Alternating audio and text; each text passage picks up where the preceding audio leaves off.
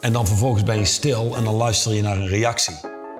En over het algemeen begint iemand door te krijgen wat hij aan het doen is. Je hebt koppige mensen. Je hebt krachtige mensen. En je hebt mensen die koppig en krachtig met elkaar verwarren. Die denken dat ze heel krachtig zijn, maar in de kern zijn ze eigenlijk heel koppig. Dat is volgens mij wat er met de coaching challenge koppig en krachtig verwarren bedoeld wordt. Nu ben ik heel benieuwd, heren. Wat kunnen jullie me daar verder nog over vertellen? Wie begint er? Ik laat het maar jou. Dit is een hele mooie distinctie. Namelijk koppig verwarren met krachtig. Laat je eruit zien als een Amateur. of ass. Eén van de twee. Kan beide. Ehm, maar dat is wat het is. Dus krachtig, een krachtig mens is flexibel. Dat betekent, ik run een bedrijf. Ik heb een duidelijke eigen visie. Maar ik krijg, ik krijg natuurlijk ook feedback van mensen om me heen. En ik ben in staat om die feedback tot me te nemen. En als het ware, mijn mind staat open. En ik kan op basis van die feedback kleine correcties maken. Dan heb je koppige mensen. En deze kun je vrij makkelijk herkennen. Die hebben een leven wat niet werkt. Die krijgen vanuit allerlei kanten feedback. En die blijven stug doen wat niet werkt. En die denken dan, ja, dat is krachtig. Maar nee, je bent gewoon koppig. Namelijk dat doen wat niet werkt. En blijven doen wat niet werkt, maakt je een... Eikel. Ja, exact. Of amateur of ass. Het is Ja, mooi. we hebben een vrij breed palet aan woorden om die mensen te omschrijven. We hebben er nog wel een paar. Maar het belangrijkste is, als je daadwerkelijk compassie hebt voor die mensen, ja, dan zie je gewoon dat ze heel beperkt zijn in hun mogelijkheden. En dat ze vooral zichzelf opnieuw en opnieuw en opnieuw in hun voet schieten door hetzelfde te blijven doen zonder correcties te maken. En als je kijkt naar leiderschap, maar ook als je kijkt naar de aard van straight line leadership, dit is wel een goede dat we hier nu op komen. Namelijk, de aard van straight line leadership is effectief zijn in het maken van correcties. Dus je kunt in een rechte lijn van A naar B als je tijdig correcties maakt. Hoe werkt dit? Het vliegtuig stijgt op in Amsterdam. Dat is zo'n beetje 90% tijd van koers af. Dus als er geen correcties gemaakt werden, dan landt het vliegtuig bijvoorbeeld niet in San Francisco, maar ergens in Las Vegas of nog veel verder weg. Ehm, hetzelfde werkt in leiderschap. Je bent niet altijd op koers. Dat is ook niet erg. Je moet tijdig correcties maken. Een krachtig leider doet dat. En een Koppige leider? een koppige leider is dus ook geen leider. Nee, die blijft gewoon standvastig. En die, nee, zo blijven we het doen. En die buigt dus af. Komt nooit bij zijn doel aan. Maar blijft dat toch maar steeds opnieuw en opnieuw doen. Want heeft het idee dat dat de meest krachtige wijze is van leven. En let op. Hopen, willen en wensen houdt dat hele patroon in stand. Want die lopen ook allemaal ergens rond met... Er komt een dag en dan gaat dit wel werken. En dan En dan ik kan gelijk. ik iedereen laten... Exact. exact. Iedereen laten zien, zie je wel, ik heb gelijk gehad. Oké, oké. Ja, ik kan eh, van jou eh, wel een cliënt herinneren uit jouw beginjaren die behoorlijk koppig was. Oeh. Nu, ik kan natuurlijk moeilijk zijn naam noemen of hem gaan, of hem gaan omschrijven. Eh, we hebben er wel ooit een... eh nou, never mind. Anyway, eh, hebben jullie een voorbeeld? Hebben jullie een voorbeeld van iemand die jullie gecoacht hebben... die behoorlijk koppig was en die daar doorheen hebt moeten helpen? Ik kan er wel een paar bedenken. Oh, mooi. ja, ik heb, ja, laat ik zo zeggen, toen ik in mijn beginjaren dan zat, ik heb geen idee wie dat het nu is. Ik denk niet dat het deze gaat zijn, maar ik werd wel eens wat vaker ingehuurd door wat oudere ondernemers. Omdat ze wisten wat ik deed met, met startende bedrijven. Dus vaak oudere, doorgewinterde ondernemers. Die wou weer terug naar hun bedrijf kunnen kijken door de ogen van een start-up. Dus ze, je zou kunnen zeggen, ze kwamen vanuit de context. Ik wil kijken naar mijn bedrijf als start-up om correcties te maken. Want dat is de essentie van een start-up. Da- daar gaat het in een gigantisch tempo en daar moet je snel correcties kunnen maken. Precies wat Johan zegt. Die kerel heeft een bedrijf. Hij is de tweede generatie. Groot bedrijf. In België zijn ze de tweede in hun branche. En we begonnen, ik denk, wat zal het zijn, in de derde sessie aan de distinctie productief versus actief. Verder niet interessant wat daar allemaal ter, eh, ter sprake kwam. Maar hij zat er naar te kijken. En dat was een, een gesprek wat live was. En dan zag ik hem al zo zitten. Nee, nee, wij zijn heel, wij zijn heel productief. Nee, dat doe ik al jaren zo en had een heel verhaal gebouwd waarom dat hij het allemaal perfect deed. Dus ik begon wat kanten te openen en het was 100% gelijk willen hebben, gelijk willen hebben, gelijk willen hebben. En er is een uitspraak. Liever gelijk dan geluk. En dat klinkt misschien raar in de context dat ik hem nu plaats, maar geluk in dit geval bedoel ik daarmee als hij gewoon zou openstaan voor de feedback en de mogelijkheid dat hij een verstrikking heeft, dat hij die distinctie gewoon niet maakt, was er in één keer veel meer mogelijk. Want hij wou niet alleen de eerste van België worden, hij wou ook de landgrenzen over. Dat was zijn hele beeld en de reden waarom hij coaching en mij had ingehuurd. Dus als ik daarna ga kijken, het, ik denk dat ik ongeveer zes sessies nodig heb gehad. En hij is zo'n typische Russische tank, waar dat ik ook als een Russische tank tegenin moet gaan. En dat is niet de meest voor mij prettige manier om te werken met mensen, als ik het heel eerlijk moet zeggen, want ik heb ook mijn voorkeur. Maar als je een performance coach bent, moet je doen wat nodig is. En als iemand zijn overlevingsmechanisme inkikt, want dat is het, hè, iemand wil gelijk hebben, dat is gewoon beschermen wie dat hij denkt te zijn, dan moet je af en toe grof geschud durven boven te halen als iemand een plaat voor zijn kop heeft. Is gebeurd bij hem, en as we speak, vandaag de dag werken we nog altijd samen, dus daar ben ik wel heel erg blij mee.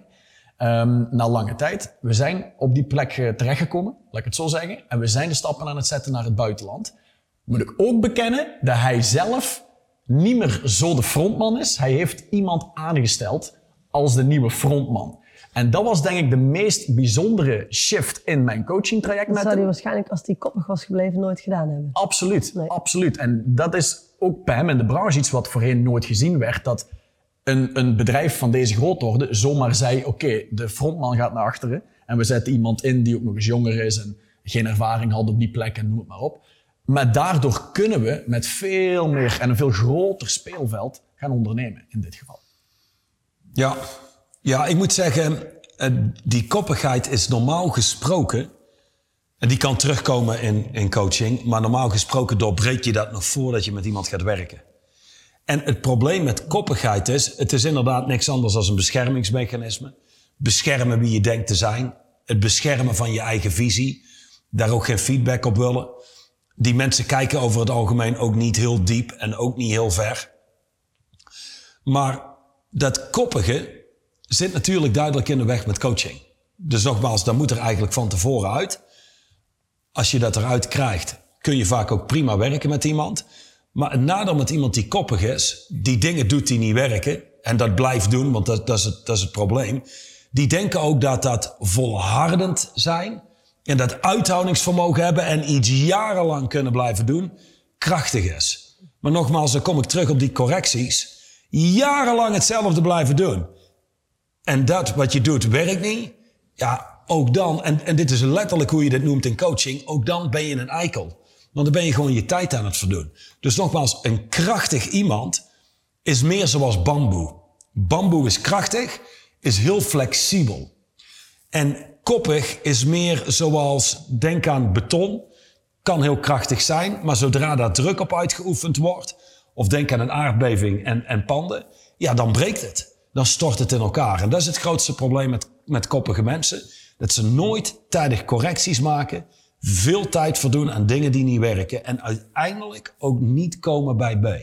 En met B bedoel ik de resultaten die ze willen. Dat gewenste resultaat. Ik, ik vind het wel mooi dat je dat zegt. Want uiteindelijk wil je dat het liefst in het begin gewoon al ondervangen.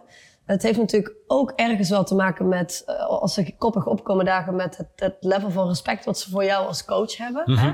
Ehm, kijk, wij, zeggen, wij stellen performance coaching bevindt zich vooral in twee werelden. In de wereld van business en in de wereld van eh, sport, gezondheid, topsport, et cetera. Ja. Ehm, ik denk dat dat twee werelden zijn. Ik bedoel, alle topsporters die ik ken, of echt gewoon serieuze sporters die ik heb gekend in mijn leven, zijn allemaal toch wel enigszins een beetje koppig.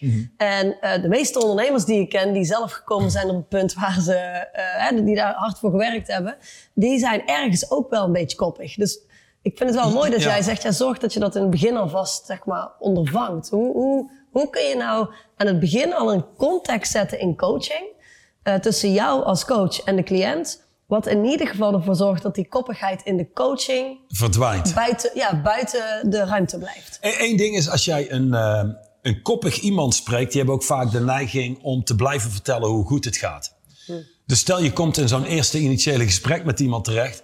Een van de vragen die ik wel eens stel is... Wacht, hou even. Dus de reden waarom we dit gesprek hebben... is zodat jij mij kunt vertellen hoe briljant je bent... en dat het allemaal goed gaat. En dan vervolgens ben je stil en dan luister je naar een reactie. En over het algemeen begint iemand door te krijgen wat hij aan het doen is. Ehm, een andere vraag die je kunt stellen is... als je bijvoorbeeld met iemand werkt... of in zo'n eerste initiële gesprek zit... is... als alles zo briljant werkt... en, en, en, en dit werkt voor jou duidelijk heel goed... althans, dat is wat je me aangeeft... waarom hebben we dit gesprek überhaupt? Waarom doen we dit? Waar zou ik je echt bij kunnen helpen? Wat gaat al goed wat we misschien verder kunnen uitbouwen? Dan kom je al lichtjes binnen bij dat soort mensen. Ehm, je, je moet weten hoe je met dat soort mensen omgaat, welke vragen je stelt en je moet af en toe pushback geven. Dus echt koppige mensen hebben over het algemeen niet heel veel succes. Dus hele succesvolle mensen hebben wat we noemen in coaching endurance of vision. Dus jij hebt voor onze organisatie een heel duidelijk beeld. Dat beeld verandert enigszins, maar het is niet dat je beeld helemaal van tafel afgeveegd wordt en in één keer hebben we een compleet nieuwe visie. Want, want dat werkt ook niet. Dan staat alles op losse schroeven. Maar nogmaals, een krachtig mens, zoals jij, kan die visie aanpassen. En dan wordt zo'n visie beter. Een koppig iemand, die heeft een visie en weigert daarvan af te wijken, ook al werkt die niet. Dus wat ik ook wel eens heb gezegd tegen mensen is, luister, de bottom line is dit. Jij neemt contact op met mij. En er zijn een aantal dingen waar je aan te werken hebt, maar gewoon merk op hoe je opkomt dagen. Dus jouw beste denken heeft je gebracht tot waar je nu gekomen bent. Het is niet zo geweest dat jij zei, weet je, Johan, ik heb mijn slechtste ideeën gepakt. Daar ben ik eerst mee aan de slag gegaan om te zien hoe die werken. En toen ben ik naar mijn goede ideeën gaan werken. Luister, je hebt je beste denken gevolgd. Dat heeft je gebracht waar je nu staat. En het zou je verder brengen als je zou kunnen. Maar het is duidelijk dat je daar hulp bij kunt gebruiken. Dus zo omzeil je die koppigheid ook. Je wil nog wat zeggen? Nou, ik ben benieuwd waar je naartoe gaat eh, met de volgende vraag natuurlijk. Ja, hè? Maar ik was net aan het denken, want jij opende iets. Jij zegt in het begin kun je maar beter inderdaad zeker zijn dat dat... ehm, ehm, nou, de positie waarin dat een cliënt respect heeft voor jou als coach. Maar je kunt ook in coaching zitten als performance coach met een cliënt. En misschien komt iemand als klein binnen, noem het maar op. En die wordt sterker. Dat is het hele idee natuurlijk. En iemand wordt cocky. Iemand wordt koppig. En dat Gebeurt is, ook trouwens, Ja, ja. want want dat is denk ik ook een hele belangrijke. Omdat dat iets is waar dat een coach over het algemeen nooit rekening mee houdt. Ik bedoel, heel veel mensen zijn helemaal niet van de lange termijn, heel erg van de korte termijn. Dat zie je ook. Incompetente coaches of ongetrainde coaches zijn heel erg nu, nu, nu, korte termijn bevrediging, lange termijn voldoening en anticiperen, zijn ze niet mee bezig. Dus dat is iets waarvan ik altijd denk belangrijk is om bij stil te staan. Eén is bepaalde cliënten met de voetjes op de grond houden. En dankbaarheid installeren. Dat ze daar ook gewoon aan herinnerd worden waar ze stonden voordat ze met je zijn gaan werken. Dat is een hele belangrijke, want daar ga ik één ding op aanvullen. Ja, graag. Want Christophe, je hebt ooit die, die cliënt gehad. Jonge cliënt. ehm, zit in de IT-branche. Die begon met eigenlijk helemaal niks. Jij bouwt die helemaal mee op. En één keer heeft hij een organisatie staan. Ik weet niet meer precies wat hij deed, maar volgens mij kwam die van een paar honderdduizend euro omzet naar enkele miljoenen euro's omzet. Waar degene die ook de prijs had gewonnen van de... In, in de regio daar de beste... Ja, ja, nee, Nou, er zijn, er waren er een paar. Als diegene Nou, kijkt, weet hij nu in ieder geval Ja, dat is niet. niet erg. Die mag met zijn voetjes op de grond gezet worden ook, ja. Ja, ja nee, maar, maar het is wel waar. Want dan boeken ze resultaat. Ja. Dat heeft natuurlijk een hele hoop te maken met feedback die ze gekregen hebben. En met bepaalde tools die ze aangereikt hebben. Dan boeken ze resultaat. Een auto verandert, eh, een, een woning verandert. En daar verandert iets. En als je daar als coach niet vooruit kijkt, wat je daar krijgt is eigenlijk iemand die al afscheid begint te nemen van je, want nu kan ik het allemaal alleen. Om vervolgens zichzelf binnen nu en korte periode compleet op te blazen. Ja, Ja. en dan komen we eigenlijk een beetje in de, in de monster cycle terecht. Hè? Dat is een mooie misschien voor een andere video. Zou je ook kunnen zeggen, want dat is eigenlijk waar ik net kort naartoe wilde. Ik hoor jullie zo spreken. En wij hebben natuurlijk ook een video eh, opgenomen over blind voor je publieke identiteit. Een video van zelf, vals zelfvertrouwen. Wat ik natuurlijk persoonlijk heel tof vind aan al die 20 coaching challenges is dat er heel veel aan elkaar gelinkt zit. En hoe beter je wordt als performance coach, hoe meer je al die, die dots met elkaar kunt gaan connecten. Ehm, kunnen jullie nog iets zeggen over eh, hoe je dat allemaal met elkaar kunt connecten? Ja, Blind zeker. voor publieke identiteit, vals zelfvertrouwen. Hoe, hoe kunnen we dat hier aan linken? Dat is volledig te linken. Namelijk, iemand die heel koppig is, heeft het idee: ik ben heel krachtig hier. Ik ben standvastig en ik zet door. Niet wetende dat de richting waarin die doorzet niet werkt. Dus dat neigt al heel erg naar een bepaalde vorm van vals zelfvertrouwen. Wat was de, de tweede distinctie die je publieke identiteit. Ja, weet je, het is niet dat ze van zichzelf zien. Wacht even. Exact. Je hebt zoiets als krachtig en je hebt zoiets als koppig, maar ik ga toch voor koppig, want ik denk dat dat werkt. Nee, dat bevindt zich in dat deel waarvan ze niet eens weten dat ze het niet eens weten. Dat is, dat is die blindheid. Dus dit staat perfect met elkaar in verband en het staat los van elkaar. Want als je iemand hebt die blind is voor zijn publieke identiteit en, wat was het andere? Een vals zelfvertrouwen heeft. Exact, en een vals zelfvertrouwen heeft. En daarbij ook nog koppig. Voeg daar koppigheid aan toe. Ja, dat is natuurlijk een perfect recept om dit jarenlang te blijven doen. Het niet te doorbreken. Ja. En een serieuze puinzooi te maken van je leven. De cocktail for disaster. Ik, eh, de cocktail voor disaster.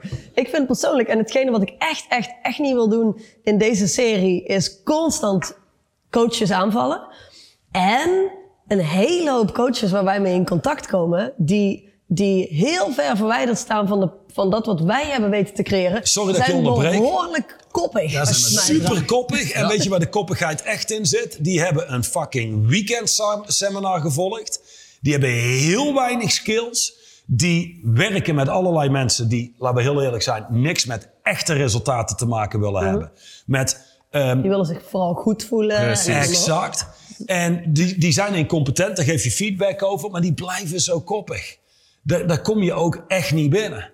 Dus de reden waarom we terugkomen overigens steeds op dat er zo'n grote groep coaches is die niet competent zijn en die niet werken, is omdat het zo is.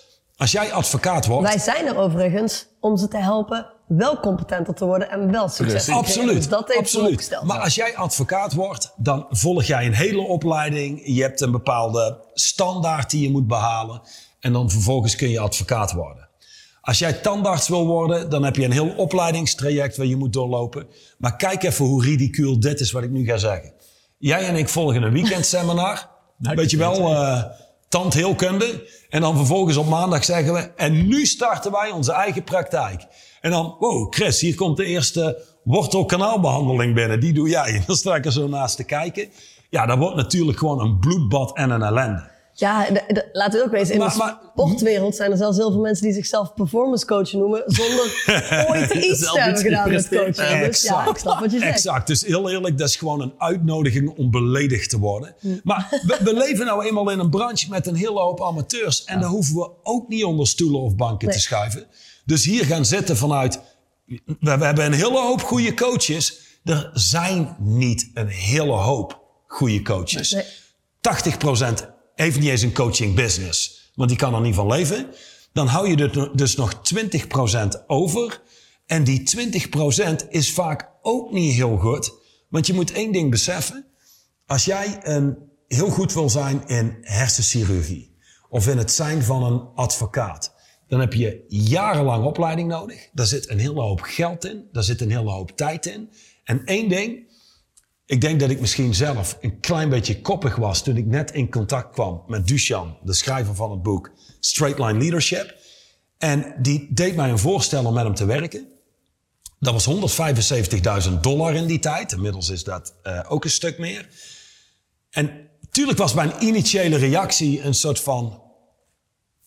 What the fuck? What? Exact. Maar vervolgens zegt hij dit. Luister, als jij hier een echte business van wil maken, business, dan zul je moeten weten wat je doet. Als jij kijkt naar echte high-end coaches die weten wat ze doen. Er zijn twee handen vol hier op aarde. Dat is allereerst. Maar goed, dat is championship. eh, eh, eh, Champions League. Die bedoel ja. Exact. Ik ben geen voetballer. Dat is dat level. Niet iedere coach hoeft daar op te willen spelen. Ik bedoel, er zit nog heel veel onder waar je heel veel kunt bijdragen. Maar wat ik nooit vergeten ben, was, was dat ik zei... Goh, well, that's a lot of money. En dat hij zei, well, to be honest... if you're not willing to invest that kind of money...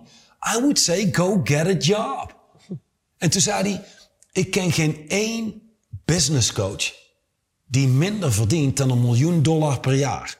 Nu, ik ken er een hele hoop die minder verdienen dan een miljoen dollar per jaar. Maar het Misschien geeft- schaalt hij die niet onder business coach. Nee, nee, maar dat geeft aan de mensen waar hij zich mee omringt. En er zijn absolute professionals.